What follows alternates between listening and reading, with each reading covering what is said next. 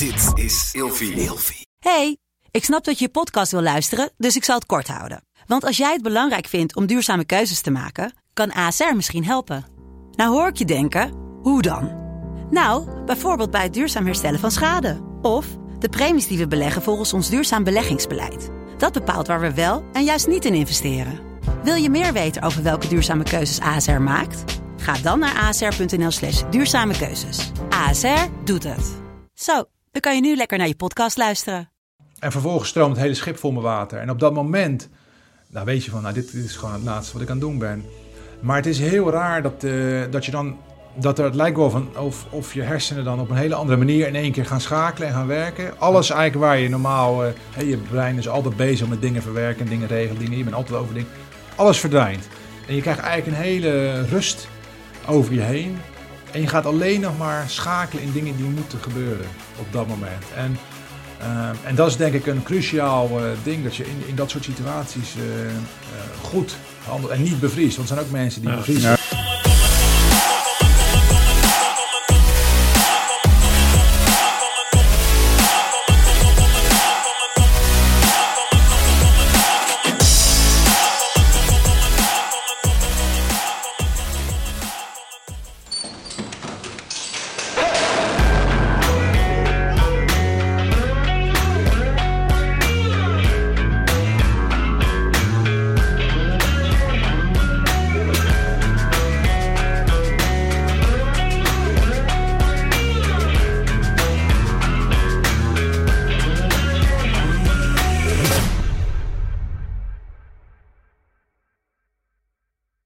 Zo mijn oude shirtje uit de kast gehaald van de Arminius groep. Ik krijg best wel veel vragen en het is natuurlijk super gaaf van... eh, joh, hoe moet ik me hierop voorbereiden, hoe moet ik me daarop voorbereiden? Eh, ik zou zeggen, eh, zoek die jongens van de Arminius groep eens op. Zijn op internet heel makkelijk te vinden. Inmiddels op veel plekken in het land bieden ze hun, hun kennis en kunde aan. Weet je wel, zoek het uit. Want ja, het is gewoon een goede club. Die, eh, die weten waar ze over praten. Eh, heel Nederland is inmiddels volgepland met allerlei CrossFit-boxen. Ook daar kun je natuurlijk eh, eens een keer gaan kijken. Maar kijk dan ook meteen even naar de podcast die we met Erwin van Beek hebben gehad. Eh, als je naar zo'n box gaat, verdiep je vooral in de mensen die je coachen. En als je daar dan een goed gevoel bij hebt, ga ervoor. Yes. En, eh, En Arminius, Arminius en, en CrossFit, jongens, dat... eh, gaan we kan rammen met je gewoon een, kadaver. eh, precies, rammen met je kadaver. Het is overigens geen reclame, want we, eh, Reclame wij, zijn geen reclame eh, podcast, maar eh, mensen in ons netwerk eh, eh, eh, inspireren anderen, eh, dus maken gebruik van. Zo is That's dat. it. En ik stuur de rekening wel eventjes. eh, Onder, onder de tafel. zo is Zo. dat. Hey, ik heb onwijs veel zin in vandaag. Want eh, Ja. degene die tegenover ons zit, eh, die kende ik niet. Maar eh, hij werd getipt door ons... Door een luisteraar. door een luisteraar van de Ja. marine. eh, Ruud. Vlootbal. Dankjewel. Eh, we hebben tegenover ons Doen ze toch nog wat goed, die vlootbalen. Ja, hij stond nog 25 voor. Ja. Mark Slats, avonturier, zee, zeeheld. Welkom bij. Scherpschutters. Hoe voelt dat om bij, eh, bij ons op de korrel te zitten? Ja, is wel heel wat anders, maar toch ook wel heel gaaf dat er zoveel gelijkenissen in zit in dingen. En eh, ja, ik vind het wel, ik ben wel, in- ik vind het wel, eh, ik heb er zin in. Ja, ik, wij ook. Want, Ja. want, want, eh, in eerste instantie zou je denken, eh, ja, eh, avonturier, iemand die de, de wereld eh, ro- rondzeilt. Wat, wat, voor een, eh, ja, wat voor vergelijking zou je daar nou mee kunnen trekken met de wereld waar wij vandaan komen? Maar ik denk dat dat eh, heel erg interessant gaat worden, want we hebben tijdens de koffie al heel veel zitten praten. Maar Ja. het feit dat je op jezelf bent aangewezen, het feit dat je eh, onder levensbedreigende omstandigheden moet, moet werken, dat je ho- hoge druk hebt, dat je eh, je drills, je skills eh, die je moet inzetten. Ehm, allemaal dat soort eh, zaken, Ja. die hebben we sowieso overeen. Dus ik ben heel erg benieuwd eh, naar jouw verhaal. En de mentale aspecten, Ja. Van hoe ga je om met eenzaamheid, met, eh, met, je angsten. verveling, Ja. nou, al die dingen. Dus eh, Ja. Kan jij eens kort vo- voorstellen voor de mensen die jou niet eh, kennen? Jij, eh, wie, wie, wie ben jij? Wie ben je Wie eigenlijk? ben je eigenlijk? Nou, ik ben eigenlijk, eigenlijk gewoon een, eh, een, eh, een aannemertje uit Wassenaar. Maar eh, in de tussen, in de, over de laatste jaren heb ik veel avontuur gedaan. Het begon eigenlijk in Australië. eh 15 jaar geleden, 16 jaar geleden. Eh, ik was daar aan het kamperen langs de weg. En iemand zei tegen mij, hey, dit is, eh, dit is mijn, eh, Mijn broer die is rond aan het zeilen. Dus ik vroeg aan hem van, joh, kan ik ook zo terug naar Nederland zeilen? En hij zei, ja, dat is geen probleem. Dus, eh, dus ik was zo enthousiast geraakt door dat idee. En eigenlijk eh, een, een, eh, een boekje gekocht waar boten te koop stonden. En eh boottrader. En eh, vervolgens twee maanden later een boot gekocht, een schip gekocht. En terug naar Nederland gezeild. Ik had geen geld op dat moment. Toevallig kwam ik in Darwin aan, was een Australian eh, Tough Man Competition. K1 eh, wedstrijden, boksen. Boksen, kickboksen, Muay. En eh, ik denk, nou laat ik eens meedoen. Ik heb eh, bij de marine gezeten, heel veel getraind, heel veel gebokst altijd daar. En eh, ik, werd, ik, ik won alle drie de gevechten op één avond. Ik won daar een, eh, eigenlijk bijna genoeg mee om een boot te kopen. Vervolgens nog een paar maanden op een tomatenboerderij gewerkt. En, eh, en met dat geld een boot gekocht. Terug naar Nederland gezeild. Wat een heel avontuur is, kan ik, een, kan ik uren over praten. Maar eh, ja, en vervolgens toen ik terugkwam... Of eigenlijk in dat, in dat jaar dat ik, of 18 maanden dat ik onderweg naar Nederland was, kwam ik eigenlijk, eh, kreeg ik een boek onderweg van de eerste solo non-stop zeilreis rond de wereld van Robin Knox Johnson.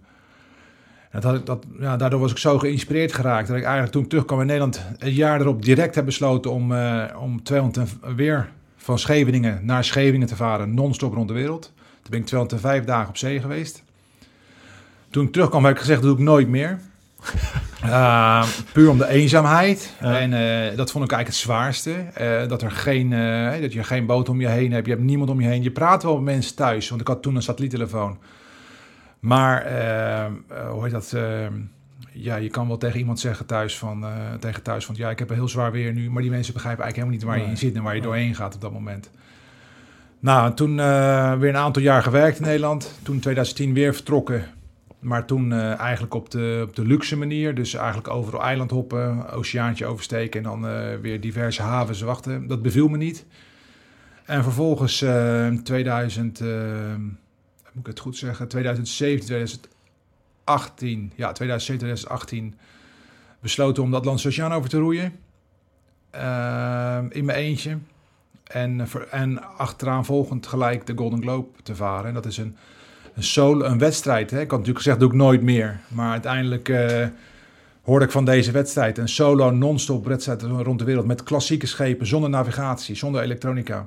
Ja. Dus eh, navigeren op sextant. eh, en geen cassettebandjes was het enige wat mee mocht. Alles, alles old school. Wel voor veiligheid was er wel een satelliettelefoon aan boord. en een pieper aan boord. Dus je elke dag een, een, een berichtje moest sturen van hoe het met je ging. Maar verder is niks. Eh, en daar deden 19 boten aan mee. En er zijn er eh, uiteindelijk eh, vijf aangekomen. Ja. Ja. En ik ben tweede. Tweede geworden? Tweede achter die Fransman. Achter de Die Fransen. irritante Fransman. Die vals speelde. Ja, ja, nou ja, het is, het is een, eh, de Fransen doen gewoon dingen anders. Laat het nou. Dat het echt vals spelen, weet ik niet. Maar het, het, zijn doen- gewoon rare jongens. het zijn gewoon, ja, er worden regels gewoon aangepast eh, tijdens de race om, Ja, eh, ja. om, om, om meer. Maar ja, de- uiteindelijk, eh, die man was ook wel 72. Ik heb wel heel veel respect. Zo. Op Oh, zee, eh, een enorme strijd. Eh, ik kan best zeggen dat ik hem haatte op zee. Toen ik aankwam, was het allemaal, eh, viel het allemaal weg. En, eh, en werd het eigenlijk best wel een vriend van mij. En eh, ja, je hebt toch hetzelfde, Meegemaakt. hetzelfde meegemaakt. En toch die respect voor de zee, dat dat Ja. toch wel weer overheerst dan over het, eh, de competitiedrang eh, toen ik helemaal aangekomen was. eh. Nee, maar we- weet je, eh, op het moment dat, er zijn natuurlijk heel veel mensen die gaan backpacken, die gaan dan ook naar Australië en die gaan daar een beetje laf, zo'n route, dat is heel avontuurlijk natuurlijk, en dat is allemaal zo voorgeprogrammeerd dat je precies alle Ja. plekken langs gaat gaan. Ja. Wat ik dan interessant vind is dat jij naar Australië gaat en denk, hey, oh, kan ik dan ook terugvaren volgens een K1-wedstrijd gaat doen en, en, en, eh, en dan gewoon eh, dat gewoon doet, zeg maar. Ja. Ik denk dat dat heel, al heel afwijkend is van eh, hoe Ja. veel- heel, heel veel mensen dat, eh, de dingen doen in hun leven. Ja. Eh, heb jij enig idee waar dat vandaan komt? Ik hoorde, ik hoorde iets eh, in een interview met jou dat jij zegt van ehm, dat jouw moeder een Ja, belangrijke rol ja, heeft. mijn moeder is. eh, ik, ik denk dat ik het zeker nou, van mijn ouders allebei al heb, maar het grootste gedeelte denk ik dat het toch meer van, van mijn moeder komt. Eh, maar ja, mijn ouders waren 17 eh, of 18 en eh 20 of 18 en 19. Eh, hadden net een kleintje, mijn zus. En die gingen met z'n tweeën naar Australië toe. Eh, of met z'n drieën dan eh, naar Australië. En, eh, en, en, met een, met, een, met, met, met een, met een minimumbedrag aan geld. En gingen daar vervolgens. eh, hebben daar acht, negen jaar rondgereden. eh, en tussen de Aboriginals gewoond. eh, alle, ik ben ook daar geboren uiteindelijk in Australië. Ja, en, die, en, en leefde in een caravan en reisde van, van plek naar plek. En toen was het niet zoals de backpacker nu erheen gaat. hè. Want we op aboriginal reservaten gewoond waar eigenlijk nog nooit blanken hadden gewerkt of eh, waren geweest. En daar ging mijn vader dan huizen bouwen voor hun, die ze vervolgens gelijk in de brand staken. Eh, en, eh, Ja, die en- waren altijd dronken, toch? Die waren- ja, nee, maar als er ook iemand overlijdt in een huis, dan, dan kunnen ze daar niet meer in wonen. En Ja, in een oven eh, met een gas, dat snappen ze niet. Dus ze deden gewoon hout eh, in, in het oven om het, eh, en dan staken ze de hele gas van huis aan, dat soort dingen.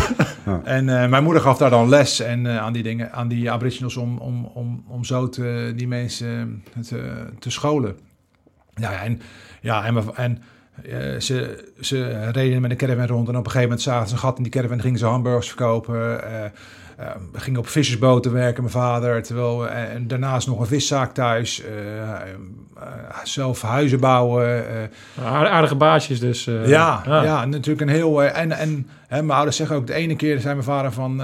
ik had nog niet eens geld voor een cadeau voor je moeders verjaardag. Eigenlijk een cake mix is alles wat hij kon, maar kon geen suiker kopen. En, eh, en, en drie maanden later kopen ze een nieuwe auto... omdat ze weer naar een orkaangebied zijn geweest... en daar weer eh, het, land hebben helpen opbouwen. En, dat je, en daar verdien je gewoon geld mee. En, eh, en zo leefden ze van op en neer. En, dat is wel... ja, dat is wel wat ik. Dat was mijn eerste echte avontuur. En ik merkte ook wel dat dat. Dat wanneer je iets wil, dat. er zijn heel veel mensen die willen iets, maar die willen eigenlijk niet alles ervoor opgeven. Ja. Maar wanneer je alles ervoor opgeeft, wat je. Hè, dus, dus, dus met eigenlijk elk project ga ik full in. Ik verkoop alles wat ik heb, tot mijn tv, tot mijn auto aan toe. Eh, en, en wanneer het dan lukt, eh, dan heb je ook de meeste voldoening eruit. Ja. En, eh, Ver- Verbrand je scheep eigenlijk. ja, ja, verbrandjescheep achter je en ga gewoon doen. En, en dat was mijn eerste, eerste project. En, en eigenlijk is dat eerste, die eerste zeiltocht van Australië naar Nederland... is eigenlijk mijn grootste avontuur geweest. Dat realiseerden mensen helemaal niet. Maar ik ging weg met 1500 of 15, 1600 euro. En daar heb ik 18 maanden mee gedaan. Ik heb, eh, nou, ik heb als lasser gewerkt op boten. Ik nog nooit gela- Ja, ik heb wel drie keer in de schuur bij mijn vader gelast. Maar eh, ik wist dan niet meer of je die elektrode moest trekken of duwen. Dat wist ik eigenlijk helemaal niet. Maar ik ging gewoon, ik, ik, ging gewoon werken. En eigenlijk, eigenlijk had ik altijd de mentaliteit op een visserboot. Ik zei altijd van of, of op een, bij een boer werken of, of als bij een taxi. Ik zeg, ik ga gewoon één dag gratis werken. En als je het je bevalt, dan geef je een maaltijd voor die dag. En, eh, en anders dan, eh, dan zie je dan, dan. En overal waar ik met die mentaliteit heen ben gegaan, heb ik een baan gekregen. En overal, dus onderweg heb ik eigenlijk overal gewerkt. Eh. Ik heb als taxichauffeur gereden in Durban in Zuid-Afrika. Ik heb eh, op Mauritius eh, op een, werd ik kaptein van de ene op de andere dag kaptein op een heel groot visserschip. En ik had helemaal geen idee van die boot, hoe dat werkt allemaal. En, eh, maar, maar gewoon door het doen en positief te zijn, eh, ja, heb ik daar, ben ik daar, heb ik daar heel, kwam ik daar heel groot uit eh, na, na 18 maanden. En ja, dat was gewoon een heel bijzondere, heel bijzondere tijd. En, en bijvoorbeeld zelfs, ik kwam in Brazilië aan zonder enig geld en, eh, en met, een, met, met de kapotte achter, voor, kapotte voorstag. En, en, eh, en dat je dan toch het weer voor elkaar krijgt om het allemaal te fixen en te maken. Het, ja, het zijn eh, gewoon je elke keer je eigen redden door maximaal inzetten. Ja, dat, is- dat was wel heel gaaf. Toen was, dat was ook wel voor mij het verslavende gelijk eraan. Ja.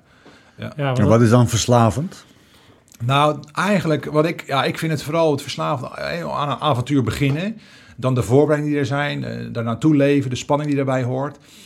Ja, en dan voor het zeilen is het dan eh, dat je van de, ene, van de ene kant van de oceaan naar de andere kant, als je vier weken onderweg bent, en dat je dat puur op de wind doet, weet je wel. En eh, dat geeft zo'n voldoening als je dan aankomt, de haven binnenkomt, en dat je dat helemaal alleen hebt gefixt even. Ja, dat vind ik zo, dat vind ik echt super vet. Gewoon die zelfredzaamheid. Want ik, Ja. ik denk daar ook wel eens over na van als, als je hier alles zou uit, uitvallen en alle, alle, alle comfort die wij om ons heen hebben. Ja. Dat, we hebben natuurlijk ook laatst die Wim Hof methode gedaan. Dat heeft er ook wel een beetje mee te maken van dat we gewoon de totale verbinding kwijtgeraakt zijn met wat we echt zijn als mens. Ja, Dat, compleet, daar ben ik het helemaal mee eens. Ja. En, en, en dat, dat, die kick Ja. Eh, ehm, die jij dan voelt, ik kan me dat... eh, ja, wij hebben dat natuurlijk zelf ook wel gehad als we naar Afghanistan gingen of zo. Dat je met een groep gewoon dingen neerzet. En dat we op een kamp kwamen bij de Belushi Vallei. En dat je dan ja, een, emmertje met wat gaatjes erin. En dan, dan kan je een, een douche maken. En, Ja. weet je, en, en, Ja. en, eh, gewoon je, je Ja. hele, heel basis gewoon Ja. dingen weer fixen. Zodat je weer enige, En dat is- enige levensstandaard krijgt. Dat, is het hele zeilen. Dat is alles in het zeilen. Je, geen koelkast, geen... je bent altijd met, met gevriesdroogd eten bezig. Eh, water is altijd een probleem. Hè. Ik heb de laatste op de Golden Globe de laatste 30 dagen eh, zonder, zonder water gezeten. Eigenlijk met een heel klein pompje waar je een halve liter per uur mee maakt. Ja, dat kan je nagaan. Eh, in 30 graden, als je een half liter per uur mee maakt, dan kom je gewoon tekort. Gewoon filter. Ja, dus zeewater Ja. filteren eigenlijk. En, Ja, en als je dan terugkomt, dan ga je wel dingen waarderen. Een koelkast en een douche, en gewoon een kraan. En eh, wat ik ook zo mooi vind, is... Ik ben constant regenwater proberen te vangen, maar we hadden gewoon op de laatste reis geen... Is dat dingen gaan ook veranderen. Voor mij het water, om het water te- uit het slangetje te zien stromen... dat vond ik het mooiste gezicht van de wereld. Dat had ik eigenlijk nog nooit gerealiseerd. Dat water zo mooi kan zijn. En, en, en nu, je hebt, je, je hebt het over om je heen, je realiseert het helemaal niet eigenlijk, weet je wel. Je hebt, hè, en, eh, maar je gaat dingen zo anders, anders zien. En eh, ik vind dat... eh, ja, Zijn we? Oh, nee, nee, nee. ja, Dat gaat bij mij gedachteloos. ja, gaat gedachteloos. Maar, dat, zit- dat, Maar wel ja, weer heel mooi, dat Ja. geluid. Ja.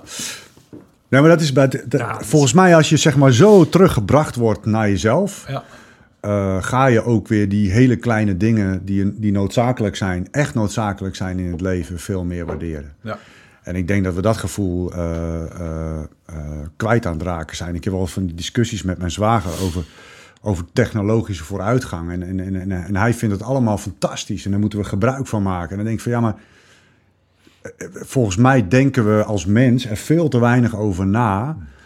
eh, wat die technologische ontwikkeling eh, met ons doet als mens. ja. Hè, dus we zijn eh, eh, in feite eh, eh, voortdurend op zoek naar gemak. Ja. En ik denk dat eh, sinds de prehistorie eh, we uit een hol gekrepen eh, gekropen zijn, dat ook wel zijn gaan doen. Hè. Ja, Eh, ja. Er komt vuur en eh, we, we gaan eh, vellen om ons lijf heen doen, want dan zijn we warmer. Dus, ik denk dat het wel in de mens zit om dat gemak op te zoeken.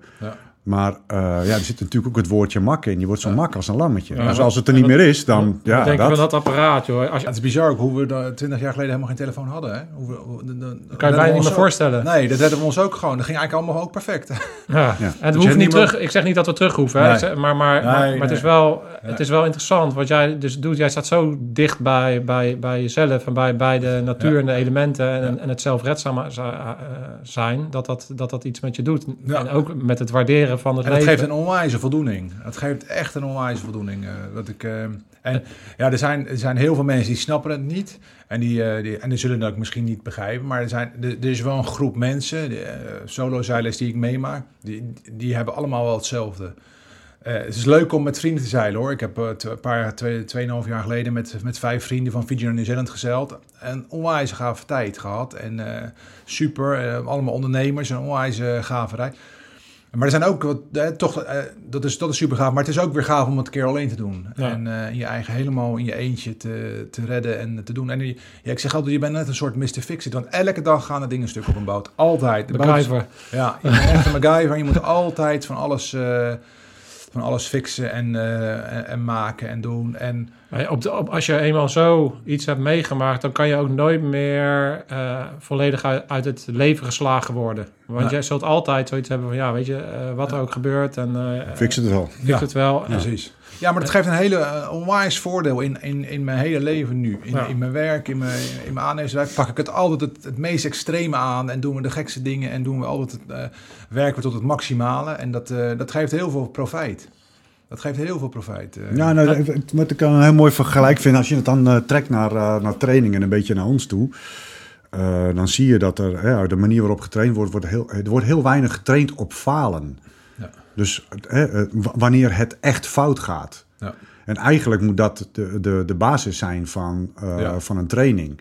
Wel, Want ja. als je op een boot bent en elke dag gaat wat stuk, dan Ja. faalt die boot dus voortdurend. Ja, En als je daarop getraind bent, ja, dan, dan, dan kun je daar dus in blijven doorgaan. En dan Ja. zie je ook veel sneller wanneer het faalt. Zodat je misschien wel ja. het gefixt hebt voordat het faalt. Ja, precies. Ja, is 100% waar. Het is echt 100%. eh het is ook in, in de storm, in het slechte weer wat je meemaakt. eh, heb ik echt een routine. Dat, eh, hè, dat je elke 10 minuten naar buiten gaat om te kijken dat, je niet, dat er niet iets stuk gaat. En ik weet ook dat er heel wat mensen dat helemaal niet doen. En, eh, en dan ga- en heb je kans op, op dat er wat fout gaat, wordt wel veel groter. Je moet eigenlijk net een stapje voor zijn. Of, Ja. eh, of heel dichtbij zijn. Als het, hè, als, het, als het fout gaat, dat je er heel snel bij bent. En dat je altijd alert bent, eh, inderdaad. Ja. Eh, hoe, hoe ga je om dan met, de- met de situatie dat het echt, echt gevaarlijk gaat worden? Kan je eens wat vertellen over, over situaties die je nog kan herinneren? Dat, dat, dat het echt gewoon spannend werd. Ja, nou, ik heb in de, de laatste Golden Globe staat natuurlijk het meest dichtbij eigenlijk. En, eh, ehm,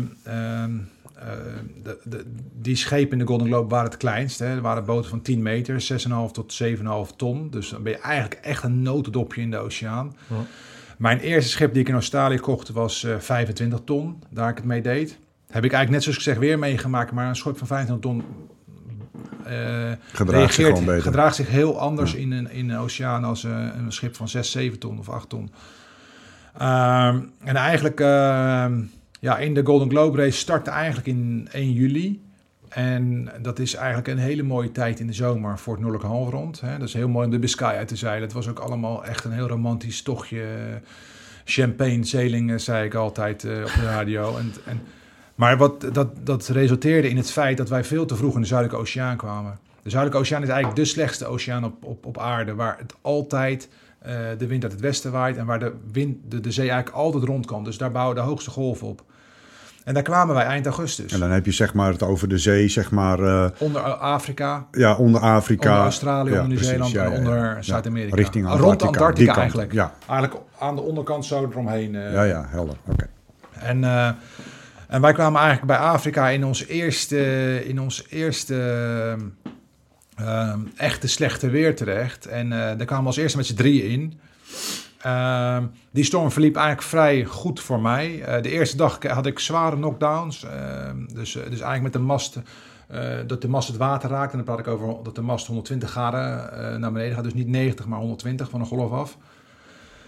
Maar gelukkig ging het goed. Maar daar verloren de, e- Koek, koek. ja. Maar daar verloren de eerste, de, een van de eerste schepen, die had wat problemen met zijn met zijn, eh, windvaansturing. Want we varen allemaal, hè, autopiloten mochten niet. Dus we varen allemaal op ouderwetse windvaaninstallaties. Dus een, eh, een, een blad op de boot, achter op het schip, ehm, die een roertje onder water weer stuurt. Ja. En dat zo wordt je boot gestuurd eigenlijk. En als de boot een beetje draait, dan klapt het blad eigenlijk om. En die stuurt dan het roer weer de andere kant op. Die had de problemen. Eh golven waren op dat moment eh, tussen de 12 en de 17 meter, denk ik. Het is, het is altijd heel moeilijk om in te schatten. Maar die jongen die was in de wind gaan liggen met zijn boot om, de, om het achter te kunnen maken. En die is toen achterover over de kop gegaan. Dus dan kan je nagaan wat, voor een, eh, wat, wat er een kracht in die zee...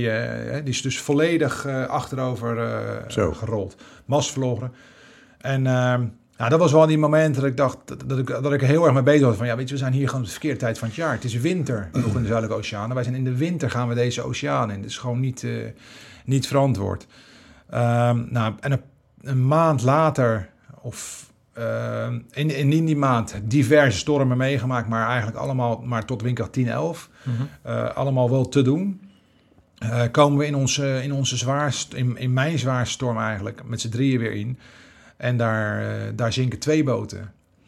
Ja, en dat zijn wel eh, in, in, die, eh, ja, in, die, in, die, in die stormen is het wel echt overleven. En ik heb in die storm ook geaccepteerd dat dit misschien wel de, de laatste storm is die ik meemaak. En, Hoe, hoe gaat dat? Hoe, hoe accepteer je dat? Kan je dat moment eens voor je halen? ja, het is, ja, ik, ja, wanneer je accepteert dat, dat ik moet zeggen, er klapte op een gegeven moment de golf achter in het schip. Kijk, je, je hebt eerst radiocontact met elkaar. We hadden op een gegeven moment gezegd, we doen elke wel allemaal lange afstandsradio aan boord. Dus we hadden gezegd, eh, we gaan die storm in. Elke drie uur gaan we radiocontact proberen te houden met elkaar. Dat we in ieder geval weten van... eh, Onderling. Onderling, ja. Met het land konden we op dat moment geen contact eh, hebben. Want we zaten echt ja, halverwege Zuid-Afrika, halverwege Australië, maar dan een duizend kilometer ten zuiden. Dus we zaten echt zeg maar in, in niemandsland. eh. Nou, en, en toen, eh, in de eerste keer is het allemaal nog wel grappig. En toen eh, hadden we winkel 11 of zo. En, en iedereen nog een grapje maken en doen. Je hoort wel dat iedereen zenuwachtig is. Na de tweede keer eh, hoorde ik dat de, twee van die jongens die in die storm zaten, de, de, de achtermast verloren waren. Dat ze zware knockdowns hadden en dat er echt paniek was. Ehm, op dat moment voelde ik nog vrij goed. En, en dus, dus je, je zit in dat moment, zit je, eh, weet je gewoon dat dit het, dat op een gegeven moment eh, weet je gewoon van, nou, dit, dit wordt het meest heftige. Hè? 80 knopen wind eh, werd voorspeld. Hè? Dus, en dat praat je over. Winkels, winkel 12 is eh, 63 knopen. Ehm, Dus, nou, dus- maar Ja. kan het nog hoger dan windkracht 12? In Ja. de, de, de meter loopt niet eens door. Maar dus, dus Nee, de meter stopt bij winkel 12. Dus- dus- nee, maar, je, maar daar nog eh, ver boven Bij dus. Kaaphoorn, toen ik t- eh, op mijn vorige reis werd bij Kaaphoorn 105 knopen wind gemeten. Twee dagen voordat ik Kaaphoorn ronde.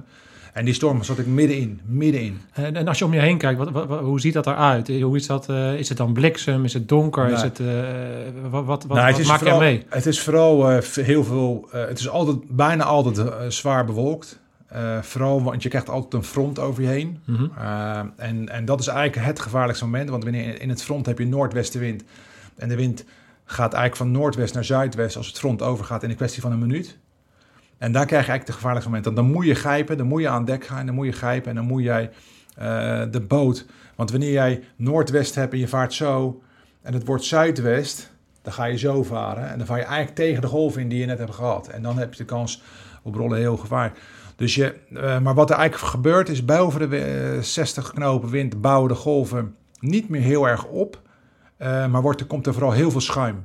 Mhm. Eh, de toppen worden vaak Ja, afgeblazen. Ja. En, eh, en eigenlijk krijg je een hele witte zee.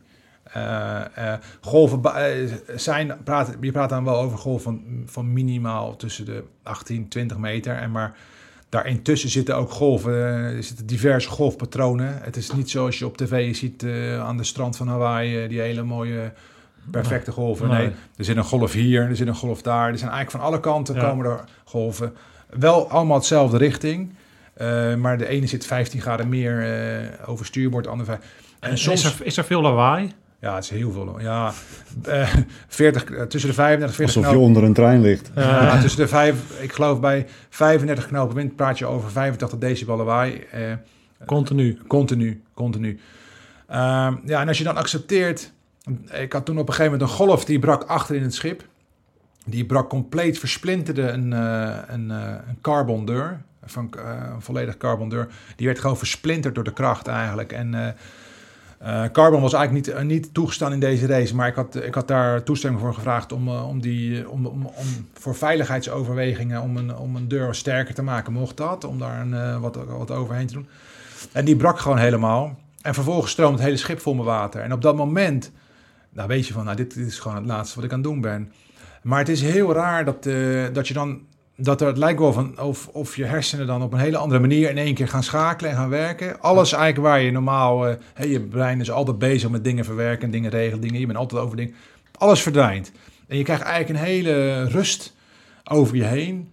En je gaat alleen nog maar schakelen in dingen die moeten gebeuren op dat moment. En, ehm, en dat is denk ik een cruciaal eh, ding, dat je in, in dat soort situaties eh, goed en niet bevriest. Want er zijn ook mensen die Ja. bevriezen. Ja, ja, ja, heel belangrijk. mensen Ja. noemen dat ook wel eens, eh, eh, die, dat, die het ook omschrijven vanuit de oorlogssituaties, een soort godlike feeling. Hè? Dus, Ja. en, en dat de tijd ver- vertraagt. Ja, de tijd vertraagt en, eh, en ik heb alles opgeschreven. Dat heb ik ook in mijn boek opgeschreven. En, eh, Wat, je hebt een boek geschreven? Ja, nou, ik heb, ik heb zelf heb ik een dagboek geschreven. Misha heeft dat, Misha Jacobs, een goede vriend van mij, die heeft dat eh, tussentijd, eh, toen ik aan het varen was, eh, is hij daarmee aan de gang gegaan toen ik in aankwam. Want ik wou heel graag dat het boek binnen een paar weken uit was. Hè, dat het Om het ook accuraat te houden. En ja, echt, echt, om het snel Ja, eh, ja, ja. op de plank te hebben. Dat is ook gelukt. Dat heeft hij binnen twee weken gedaan.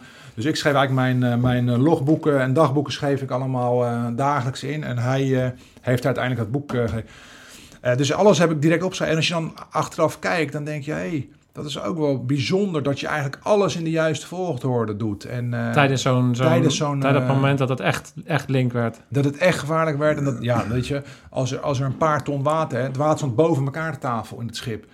Eh, op dat moment is zo'n schip ongelooflijk vatbaar voor, voor alles wat gebeurt. Want het zwaartepunt ligt veel te hoog. Ja. Het schip komt in één keer veel te diep te liggen. Ja. Hoe moet je dat dan aanpakken op het moment dat dat gebeurt? Nou ja, weet je, bijvoorbeeld het allerbelangrijkste is... Hè, op dat moment was niet alleen eh, eh, het water binnen. De, de instrumenten waren stuk.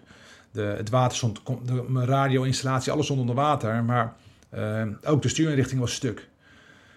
Is dat je naar buiten rent. Maar ik had, een, ik, had een, ik had wel iets klaargemaakt om 300 meter lijn overboord te gooien... voor als er zoiets zou gebeuren. Dat ik hè, een lijn als sleep eigenlijk achter de boot heb. Ja. En eh, Wat, ik- wat, wat doet dat dan? Als je die lijn... nou, die had eigenlijk de kont van de boot in de wind. Oh ja. Eh, meer eigenlijk. Eh, dus ik ben direct naar buiten gegaan, dit lijn overboord gegooid. Vervolgens het Een tweede luik. sleepanker. Ja, je- Een sleepanker is het eigenlijk. ja. Ja. Eh, ik, heb, ik ben nooit gestopt met zeilen, dus ik heb altijd wel een voorzeil, een stormfok op gehad. Vervolgens ga je naar, eh, naar binnen, eh, pak je het plankje, doe je, trekt de radio. Eigenlijk terwijl ik naar buiten liep om het lijn overboord, trok ik mijn eh, SSB-radio uit het, eh, uit het water. Die legde ik op in, in een, aan de andere kant van het schip. Want het schip kwam eigenlijk eh, onder 45 graden te liggen gelijk. Omdat het water eigenlijk... Hè, dan krijgt hij meer... Als die duwen. Dan gaat hij meer stabiliteit.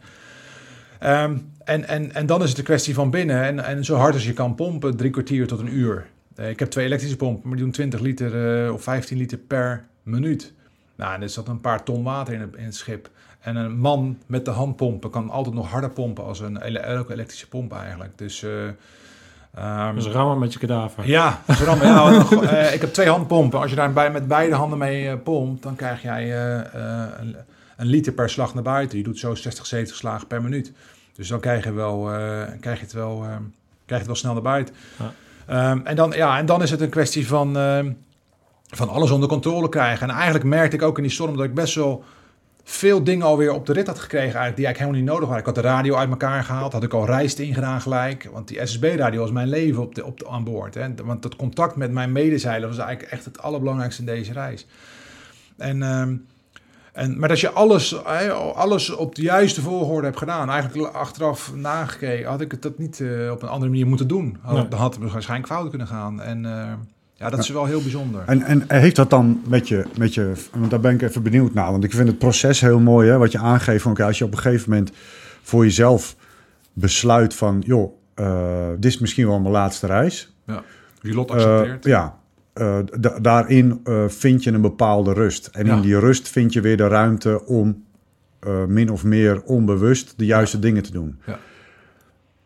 Is, is- kan jij je vinger erop leggen hoe dat komt? Ligt dat aan je voorbereiding? Ligt dat aan een, aan een systeem wat je van tevoren voor jezelf bedacht hebt? Eh, hè, als ik in deze situatie Ja. terechtkom, dan, dan zijn in ieder geval dat, dat, dat, dat Ja. gewoon eh, de SO, eh, Is- SOP's. Is, het, is het ervaring, instinct? Ja, Ja. ik denk wat het allerbelangrijkste is en wat, eh, wat een goede zeiler altijd, altijd mee bezig is, is eh, een noodscenario A hebben, B hebben, C hebben en D. Je Ja. moet altijd vier noodplannen vooruit werken. Bij ons, Je moet- noem- bij ons noemen ze dat actions on. Actions, Ja, je moet zeg maar, je hebt niet, je hebt niet eh, eh, als de mast overboord gaat, heb ik ook een heel plan. Ja. Eh, weet je wel, je hebt eigenlijk allemaal plannen vooruit liggen voor waar, waar, wat je allemaal hebt. En eigenlijk leg je ook een hoop van je materialen voordat je echt slecht weer krijgt. Als je, dat- als je het weet van tevoren, dan, nou, je ziet het ook heel vaak in je barometer. Als die heel extreem gaat zakken in één keer, dan, eh, dan weet je dan ook weet je gewoon, van, eh, het gaat slecht weer worden. Dus, dus je hebt altijd die, die noodplannen vooruit liggen. Maar dit plan had ik helemaal niet. Weet je, bijvoorbeeld, doordat mijn stuurrichting stuk was, toen ik het water uit de boot had, ben ik naar buiten gegaan. En toen met het idee van ik ga nu de komende 24 tot 36 uur met de hand buiten aan het stuur zitten. Want de, de windvaan was stuk. En ik ga naar buiten. Uh, ik trek een paar lijnen over de kuip heen, om, zodat ik mijn benen wat eronder kon doen, dat ik wat meer veiligheid. En je zit natuurlijk heel open in zo'n klein bootje, in een open kuipje. Ja. Uh, en er zijn golven. Daar wil je niet uitkomen. Nee, zeg maar. nee, maar wat gebeurt er? Bij de tweede golf die, die achter op mijn rug breekt, word ik overboord gegooid. Ik zat natuurlijk dubbel aangelijnd. Hè? Ik bedoel, in zo'n storm ga je niet meer los zitten, dubbel aangelijnd. Wordt overboord gegooid. En wordt ook direct weer, met de, terwijl de boot weer terugkomt van zijn knockdown, weer aan boord gegooid. Ja, en, uh, en toen dacht ik wel op dat moment, uh, weet je, ik was ook in die storm voor het eerst dat ik dacht van, ik ga nu, uh, ik ga, ik ga nu bidden, weet je wel. Dat lijkt me wel een goed moment en ik ga alles verbeteren in mijn leven wat ik wou. Ik ga geen plastic meer overboord. Ik ga, ik ga zorgen dat ik alles ook opruim van Sorry, sorry, sorry. ik zal het nooit meer doen. En alsjeblieft, uh, laat me gewoon hier doorheen komen. En, en zover ben je wel. En toen dacht ik ook, dat bidden ga ik nu elke 10 minuten doen. Dat heb ik ook die storm doorgedaan. Maar wat betekende dat dan? Hè? De, uh, Want het is gewoon een soort rust. Jij bent, ja, maar jij bent niet gelovig, hè? Om even duidelijk Nee, ik ben niet gelovig. Nou, ik ben wel katholiek opgevoed. Of, ja. maar ja. niet dat ik nou... uh, de laatste keer de kerk is, is, eigenlijk alleen maar voor trouwerijen van vrienden, weet je wel. Meer is het niet. Uh... Nee, oké, okay, maar, maar hè, ik vind dat bidden dan wel heel interessant. Hè. Wat, maar, hoe, hoe is dat dan letterlijk gegaan? Ik weet niet of je dat wilt delen, maar ja. wat doe je dan? Nou, vooral uh, wat ik dan deed is op een gegeven moment... Ik heb heel groot in mijn boot staan... Be stronger than your excuse.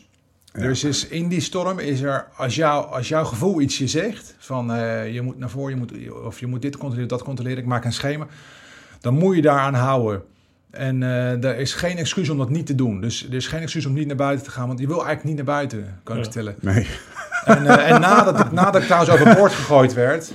Toen heb ik besloten om toch, te zorgen, om toch die windvaan te gaan maken. En dan moet je achter het schip gaan hangen, tot hier buiten boord. En, en terwijl je dan aan het sturen bent, maak je een plan hoe je dat gaat doen. En, en dat is ook weer met die rust die je in je hoofd hebt. Dan weet je waar alles ligt. Al je gereedschap weet je feilloos te vinden. En dat is eigenlijk een van de dingen waar ik um, een klein beetje in faal. Dat ik een beetje ongeorganiseerd ben af en toe in mijn, in mijn, in mijn, in mijn boothuishouding. dat het best wel eens een zootje kan zijn binnen.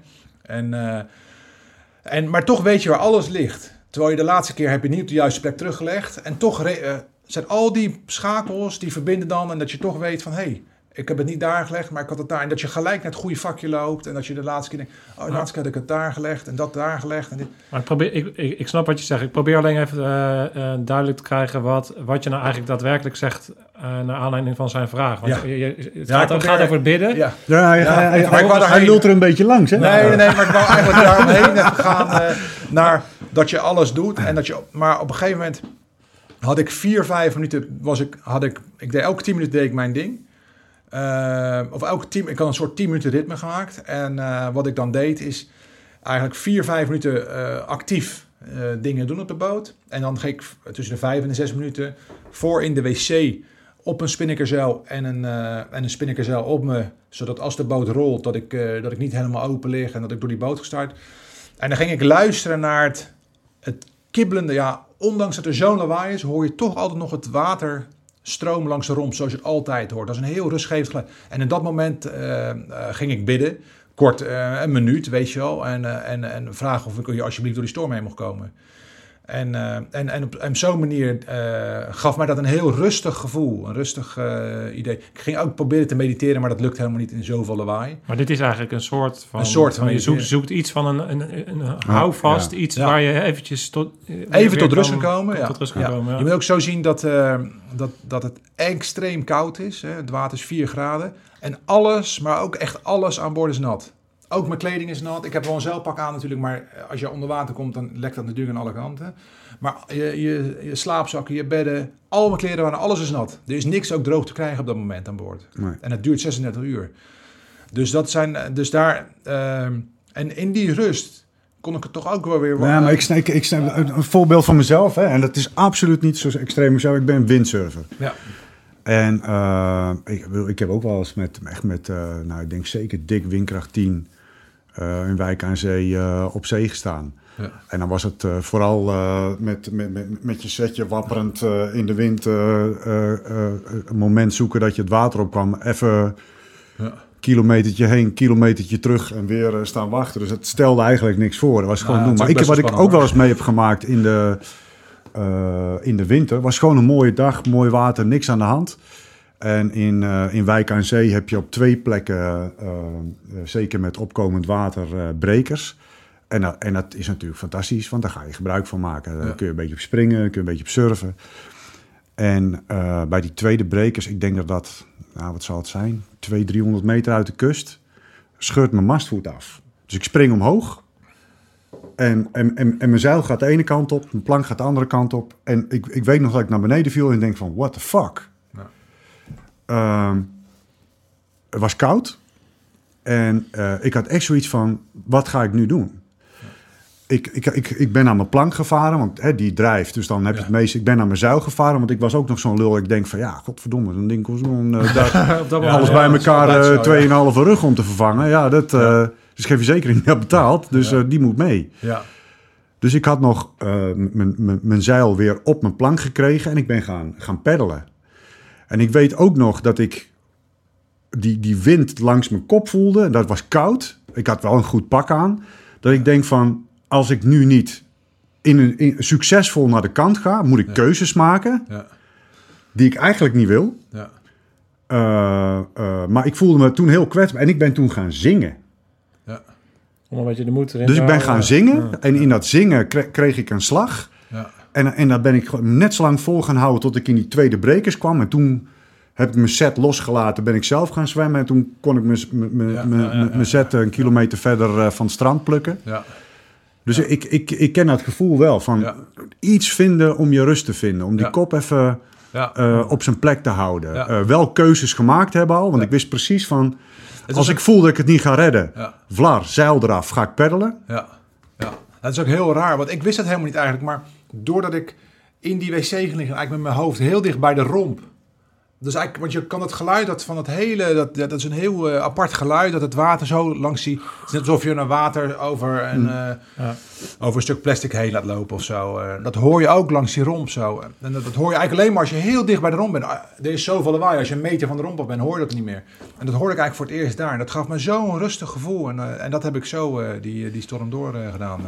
Weet je wat ik ook interessant vind, is die, tien, die, dat je dat 10 minuten ritme benoemt. Ehm, ik heb het daar ook wel eens vaak over gehad, dat, dat op het moment dat je gewoon gezond voelt, dan kan je inderdaad, eh, kan, een dag een beetje voorbij kabbelen of zo. Maar hoe, hoe meer je gaat lijden, en lijden kan je in, in allerlei manieren interpreteren, maar hoe meer je lijdt, hoe korter de tijd wordt.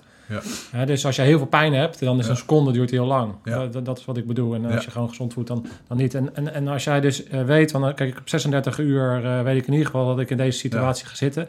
Dat je dus je intervallen Hmm. steeds verder verkleint. Ja. ehm, om, ja, om, om maar gewoon eh, vooruit te blijven komen. Ja. Is dat ook de, een van de redenen dat je dat op die manier Ja, hebt ingericht? de- weet je, je, je, je, je kijkt dan nou, nog zes keer en dan, eh, en dan ben je een uur verder. En dan, maar dan had ik ook alweer bijvoorbeeld 36 keer verder. Wist ik dan, en dan zou het, licht, het eerste licht komen weer bijvoorbeeld, weet je wel. Of, Ja. en daar zijn allemaal... Vier je dat dan ook? Ja, dat vier je. Ja, Ja, dus je, je hebt van die kleine momentjes van Ja. euforie. Ja. Ik herken dat ook wel. Ja. Eh, als je wist dat je een, een, een- iets zwaars voor de boeg gaat om het op te delen in Ja. kleine etappes. Nou ja, dat heb ik heel erg met het, eh, met het roeien. Eh, de Atlantische Oceaan over roeien. Hè? Want het, ehm, daar eh, moet je een beetje nagaan. Ik heb daar eh 13.000 calorieën per dag gegeten. 30 dagen. 13.000 calorieën per dag. Ja, ben in 30 dagen 19 kilo afgevallen. Volgens de, de wetenschappers heb ik tussen de 18 en 19.000 calorieën per dag verbrand. En heel veel mensen zeggen, hè, ik heb 18 uur per dag geroeid. Nou, roeien is ongeveer tussen de 8 en 900 calorieën per uur verbruik je met roeien. Dus Want, want jouw je lichaam kan toch maar... Ik had gehoord dat, dat je iets maar tussen de 7 en 8.000 eh, calorieën per dag kan eh, verwerken. Nou, volgens mij, ja, dat zal misschien een gemiddeld persoon zijn. Ja, Eh, er zijn diverse. Ik heb een verhaal gelezen over mariniers uit Zwitserland. Die hebben het voor elkaar gekregen om een maand lang tussen de 15 en 17.000 calorieën per dag verbranden, te verbranden. En er zijn eh, eigenlijk de meeste zijn eh, Noorse houthakkers, heb ik ook een stuk over gelezen. Ja, want ik heb, wat ik bedoel is dat je, als jij, eh, dat je lichaam eigenlijk maar, een dus zeg maar 7.000, 8.000 euro, Ja. calorieën per dag kan, soort van weer kan herstellen. Ja. Waardoor als jij dat over een langere periode soort van overschrijdt, dan zul je langzaam toch, je kan dat niet meer bijwerken. Dus, dus je Ja. langzaam breekt je lichaam toch af. Ja, dat is zeker gebeurd ook. Mijn lichaam is zeker afgebroken. Maar ik moet wel zeggen dat ik gewoon op het dagelijks leven al tussen de 5.500 en de 6.500 calorieën wel verbruik. Ja, Nu. Dus. eh, moet je zoveel praten. Zo. nee, maar mijn, in mijn werk en mijn trainingen die ik daar het jaar voor het roeien heb gedaan bijvoorbeeld, is dat, was dat extreem. 30 uur per week trainen was, was wel vrij eh, normaal. Ja. Ehm, maar daar heb ik, dat roeien deed ik ook. Want eigenlijk op dag twee bijvoorbeeld heb ik, op, de, op die oversteek heb ik mijn GPS doorgeknipt. Want ik werd helemaal depressief van dat, dat nummer van 2560 mijl. En dan was ik drie uur aan het roeien, kwam ik binnen en dan was het 2545 mijl.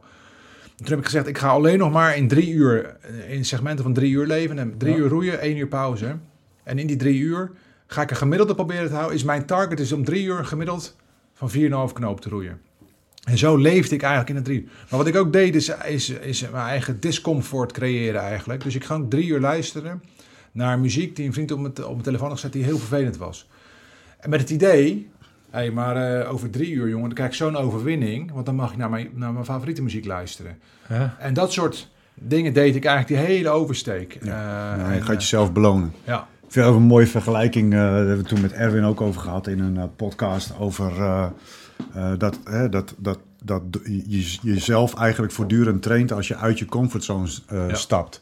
Ja. En Erwin die gaf daar ook heel duidelijk aan van ja, dat, ja, dat is een mooi verhaal. Maar eh, voor de een eh, eh, is uit je comfortzone is daar en voor Ja. de ander is het hier. Ja. En, en je moet dat vooral met kleine stapjes tegelijk doen. ja. En wat je, ja, kan als, je, als je de oceaan overroeit, dat is aardig uit je comfortzone. Nou ja, wat Ja, je- maar dat, wat ik dan grappig vind, is dat is voor mensen al heel erg uit je comfortzone. Maar jij hebt dus vervolgens ga je ook nog eens een keer kutmuziek opzetten om jezelf nog meer te pijnigen. ja, ja. Maar, zeg maar de, uit die comfortzone is precies wat je eigenlijk... ik eh, heb wel een paar goede nummertjes voor je. Voor de volgende reis. Maar eh, wat ik eigenlijk, wat ik ook Gaan deed geen voor, voor het roeien, eh, het jaar voor het training, ik ga, ik ga het volgend jaar weer, eh, wil ik weer gaan roeien. is, is prepare your body to suffer. Dus, oh, dus Ja. ver- bereid je voor om dat soort dingen. Dus eh eh, 24 uur roeien in een vriescel. Eh, bijvoorbeeld ook, ik heb laatst naar Nieuw-Zeeland eh, gevlogen. Hè? Ben je 30 uur in een vliegtuig geweest? Nou, dan heb je echt geen zin om te roeien. Maar wat ik dan deed is, ik, op het vliegveld vond ik een eh, fitnesscentrum. en dus ik stap eigenlijk vanuit het vliegtuig eh, met een eh klote overstop in, in Hongkong. eh, hè, dus niet praktisch amper geslapen, want ik ben veel te lang voor die dingen. Stap ik op een roeiapparaat en, met, en na 500 meter dacht maar aan lichaam, waar, dit is gewoon niet te doen, dit gaat niet. En vervolgens roei ik 55 kilometer, 4 uur ben je bezig. En eigenlijk je hele... Maar ik deed dat puur omdat ik...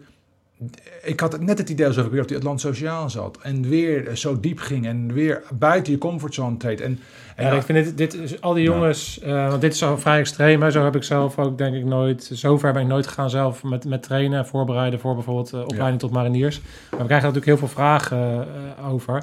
Maar luister eens naar deze man, naar, naar, van wat jij doet om, om Ja. een extreem doel te behalen. Ja. Hè. En dat is eh, wat we ook wel zeggen van, als jij aan het trainen bent voor een bepaalde test, Ja. train dan niet alleen maar voor die test, maar train ook om die test uit te voeren terwijl je al moe bent, terwijl je al helemaal naar de kloten bent, ga dan die test doen. ja, Want dan weet je tenminste, dan krijg je zo'n zelfvertrouwen. Want op dat moment weet je dat als je die test een keer gaat doen, ja, die test is dan, eh, dat is gewoon net als ademhalen. Ja. Even, eh, even die test doen, dat is zo makkelijk. Ja. En ik, had het, ik, had, ik was eh, voor een trouwerij in, eh, in eh, Colorado eh, anderhalve week geleden. En op die trouwerij, nou, best wel een paar biertjes gedronken. Niet dat ik, maar ik drink helemaal niet. En dan in één keer drink je tien biertjes. Nou, dan ben je best wel, dan ben je best wel ziek de volgende dag. Ja. En iedereen zat eigenlijk, eigenlijk bij, het, bij, bij het zwembad liggen en zo. En, en ik zeg, nou, ik ga een fiets huren. En ik ga die berg van 4,5, 4 4200 meter opfietsen. Ja, niet te doen natuurlijk. Als jij, eh, je- we komen, ik kom van zeeniveau en dan eh, ik begon op 2,5 kilometer hoogte en dan ga je naar 4,2 kilometer. En, maar ik, zit, ik, ik, fiets achter iemand aan, eigenlijk die die berg op aan het fietsen is. En ik denk, nou, die vent die ga ik niet laten gaan. Ik ga gewoon achter hem aan fietsen en, eh, en dood op de gladiolen. Maar ik ga hem zonder water, zonder fietsbroekje, zonder iets, weet je gewoon een losse... en ik raak aan, bovenaan raak ik met die gozer in de praat. Blijkt een of andere extreme ultraloper te zijn. Die, die gewoon elke dag die berg op fietst. En hij zegt, hoe kan jij mij nou godshelemaal...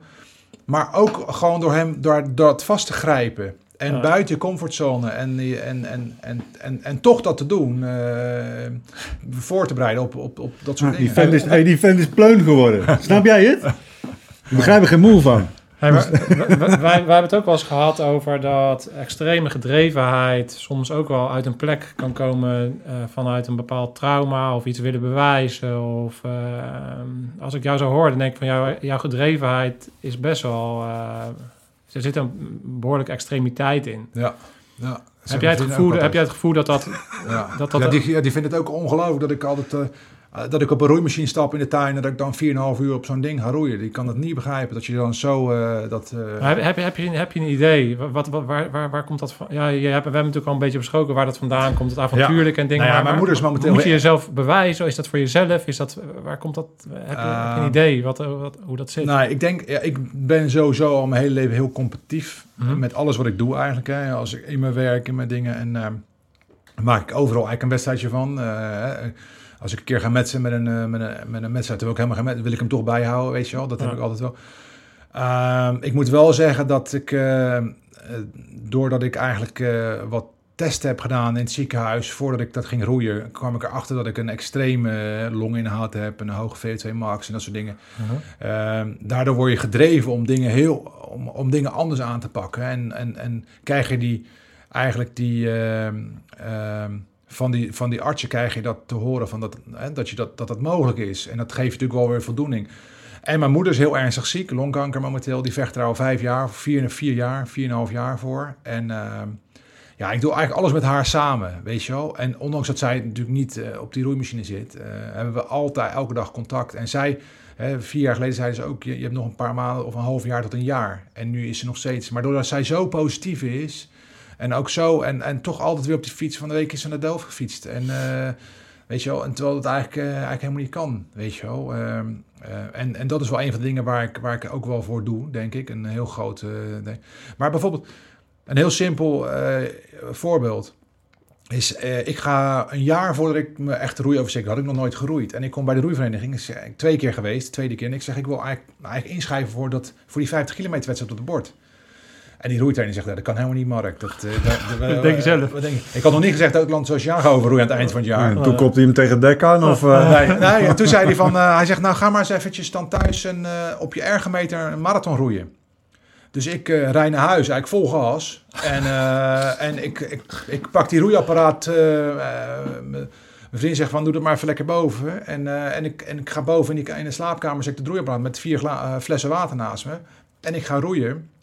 Op zo'n ongelooflijk tempo, dat ik eigenlijk dacht, ik ga, maar ik, toch houd ik het op de een of andere manier vol. En na 2 uur en 39 minuten stuur ik, stuur ik hem eh, die tijd op. Maak een fotootje van. Ik zeg, joh, eh, hier. En hij, hij appt mij gelijk. En eh, ik kon even niet meer op dat moment... ik lag op de bank met 40 graden koorts. Wat iets te diep gegaan. Is een tweede tijd op de wereldranglijst. En weet je wel, en dat soort dingen. En, maar, en het rare is dat ik eigenlijk het jaar daarna, na heel veel trainen met roeien, dat record nooit meer heb gehaald. Weet je wel? Maar dat was gewoon het ene moment dat Maar, dat, gewoon maar, dat is ook, maar dat is ook die be- Ja. bewijsdrang dan. Dus zo, Ja. jij, jij zegt dat ik iets niet kan, dan zal ik godverdomme even laten Ja, zien. ik even laten zien, weet je wel. En ik had ook gekeken op het wereld, wat het wereldrecord was op dat moment, voordat ik wegging. Ik had gewoon... eh, en, en ik dacht, nou weet je, dat, eh, want op de Concept 2 machines, er zijn heel veel eh, records en zo. En, eh, en, ik, en ik denk, nou, ik ga dat gewoon proberen, weet je wel. En, eh, en na tien, want ik had 10 kilometer, had ik wel met die splittijd geroeid. Dus ik denk, nou, ik ga dat gewoon nu 42 kilometer doen. En, eh, en, en het is gewoon ja, dat iets willen bewijzen. En, eh, en die prestatiedrang op dat moment naar hem eh, was zo groot Ja. dat ik buiten mezelf eh, trad. Misschien niet helemaal verantwoord, maar, maar het lukte wel op dat moment. Ja. Ja. En ja, ik, ja, verder weet ik niet waar dat nou precies vandaan komt. Ik heb niet echt... Denk, Hoe, want jij, eh, over, je, over je moeder heb je natuurlijk het een en ander verteld. En dat is, eh, daar, kan ik me heel, heel veel bij voorstellen. En ook, ook dat dat heel eh, heftig is en zwaar is. Want eh, je, Ja. het is overduidelijk dat jullie, dat jullie een hele bijzondere band hebben. Ook, ook Ja. alle avonturen die je zelf al hebben meegemaakt. Ja. Kan je eens wat vertellen over, over je relatie met je vader? Want vaak, de reden dat ik dat vraag is omdat vaak, als het over bewijsdrang gaat, dat dat toch Ja. ook wel te maken heeft met eh, hoe, hoe je... Ja, mijn vader is eh, ja, een hele bijzonder man. Ik, ik, ik heb, hij heeft eigenlijk, totdat mijn moeder ziek wordt, heeft hij de laatste zeven jaar bij mij gewerkt in mijn bedrijf. Mhm. Eh, en eh, en ja, ik heb gewoon, eh, ja, mijn vader is, is eh, ja, ik vind het best uniek, de relatie die hun samen hebben. En ik, ik waardeer hem daar heel erg voor. En, eh, en hij staat altijd klaar voor me. Maar eh, nu is het wel heel belangrijk dat hij eigenlijk altijd... mijn moeder is nu nummer één, weet je wel. Ja, die zegt tuurlijk. ook van, eh, ik wil je best helpen hier of daar, maar dan moet je even iemand je moeder regelen, weet je wel. Ik ga dat geen beslissing... Mijn vader volgt mijn moeder nu heel erg met dat. En dat, eh, dat, ja, dat, dat vind ik eh, wel heel bijzonder. Ik, als je dat ziet, hoe hun dat samen, samen Ja. allemaal oplossen, die, die, die ziekte. Ja, ja, ja. Maar ik heb een hele goede band met mijn vader, dat, dat zeker weten, ja. ja. Ja. Ah, mooi. Ja. Ja, dat is... ik vind dat altijd reuze interessant, omdat ik denk dat er gewoon heel veel voortkomt uit waar, je vandaan komt. Hè? Jij bent voor de helft eh, je vader en, de helft van je moeder Ja. en je krijgt het allemaal zo op die manier mee. En, Ja, ja. en, en, en, en hoe, hoe, hoe die dynamieken dan lopen. Ja, Eh, dit zit gewoon in zijn DNA, Ja. dat is wel duidelijk. ja. Ja, ik, ja, het zit gewoon in je, denk ik, in mij om, om dat eh, zo te doen. En ik, ga, ik, ik, ik was uiteindelijk met het roeioversteken, heb ik 19 dagen van het wereldrecord afgeroeid. Het was 49 dagen en ik heb het in 30 dagen gedaan. Ehm, ik kwam als vierde overal binnen, maar er waren drie vierpersoonsboten voor mij.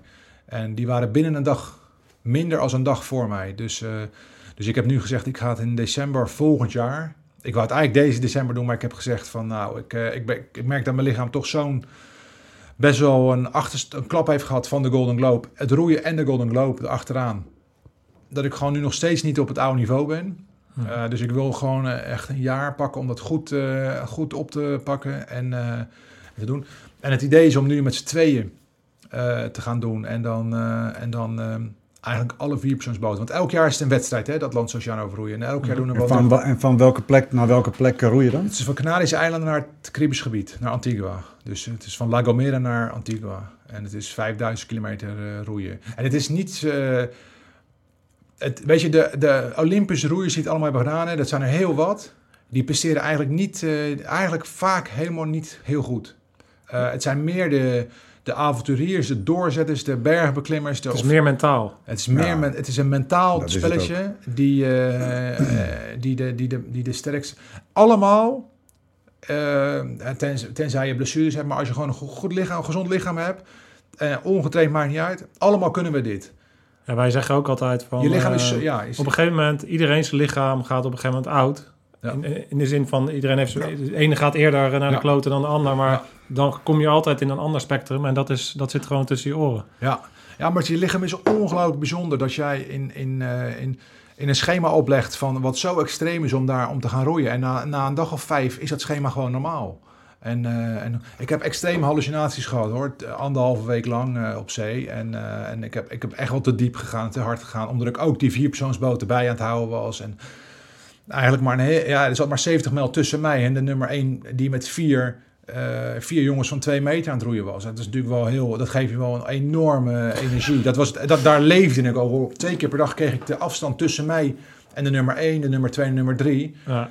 Nou, dat was natuurlijk wel iets dat ik elke dag weer dacht van shit. En, en, en soms haalde ik ze gewoon wel eens twee maal, drie maal in op een dag. En dat, ja, dat gaf mij natuurlijk zo'n kick.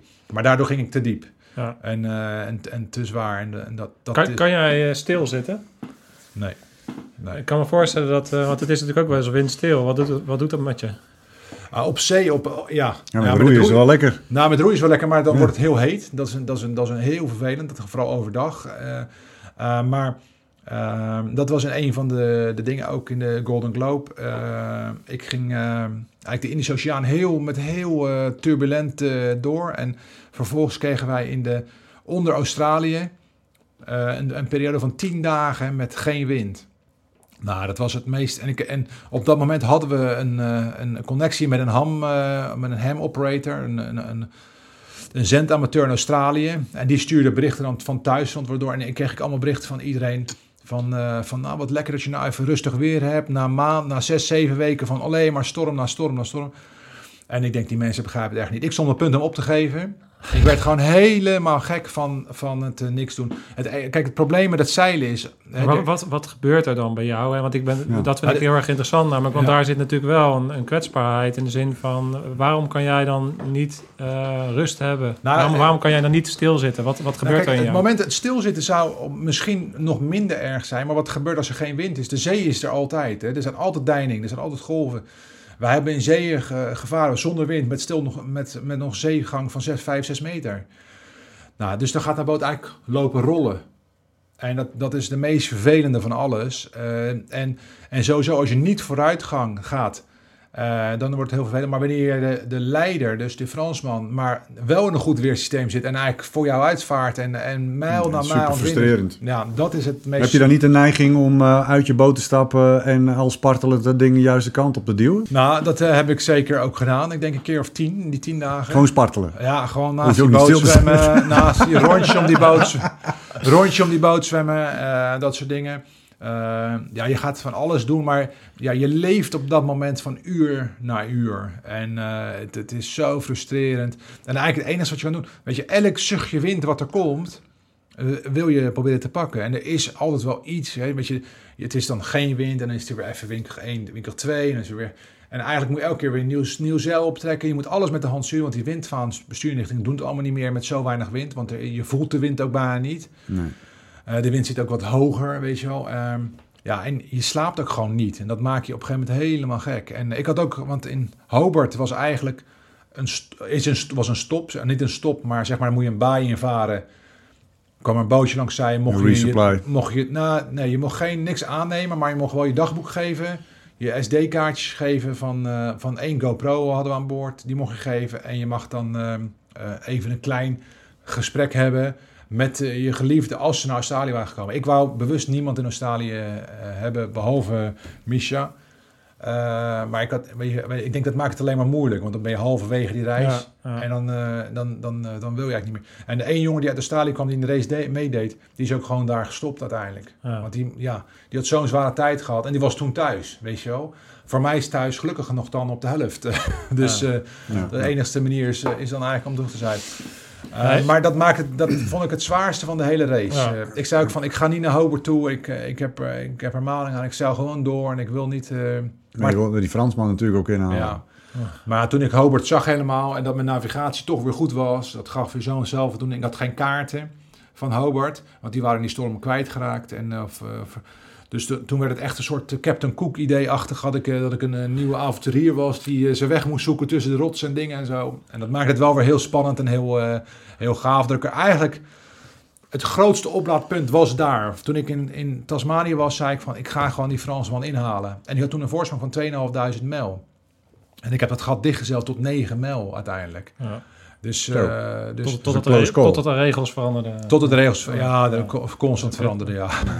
Je, je hebt eh, een boek, hè, daar ben ik benieuwd naar. Wat, Ja. wat, wat, wat, is, eh, wat, is- wat is zeg maar de belangrijkste boodschap die, eh, die, die mensen uit jouw boek kunnen halen? Nou, wat ik eigenlijk het belangrijkste Waarom boodschap- zouden ze het moeten lezen? Nou, waar, om, om, ehm, om, om, die, om net dat extra stapje te geven, om toch die dingen te doen. Hè? Dat het leven is, is zo kort. En, eh, en, eh, en als je wat alles, we leven in zo'n mooie tijd eigenlijk, dat eigenlijk alles is mogelijk als je ervoor gaat.